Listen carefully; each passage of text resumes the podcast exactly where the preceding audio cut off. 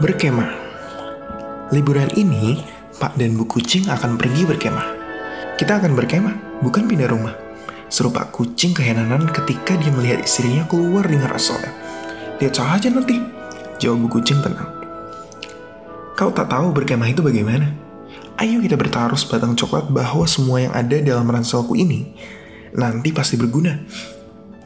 Pak Kucing tak mau bertengkar pada hari pertama liburannya, karena itu dia berkata, Baiklah, kita bertaruh. Lalu dia mengambil sepedanya. Bu kucing tersenyum dan dia tersenyum terus karena sepanjang perjalanan itu, satu persatu bungkusannya dibuka. Tak percuma dia membawa barang sebanyak itu. Papan catur digunakan. Juga kaca pembesar, peta, pensil berwarna, buku gambar, lem, dan setiap kali Pak Kucing mengeluh, ah, seandainya aku membawa ini, atau sayang, aku tidak membawa ini.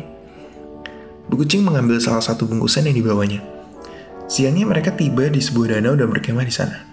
Matahari bersinar cerah. Kupu-kupu berterbangan dari bunga ke bunga. Bu Kucing berbaring sambil memejamkan matanya. Enak sekali di sini, pikirnya. Pak Kucing juga senang dan puas, tapi... Ah, kalau saja harmonika aku bawa. Betapa enaknya main harmonika di sini, katanya. Sambil tersenyum, Bu Kucing mengambil bungkusan yang terbesar dan membukanya. Apa isinya? Ya, harmonika. Pak Kucing menyerah kalah.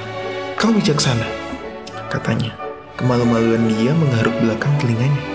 Tapi akhirnya dia berkata, Kau tidak hanya memenangkan sebatang coklat, tapi sepuluh batang.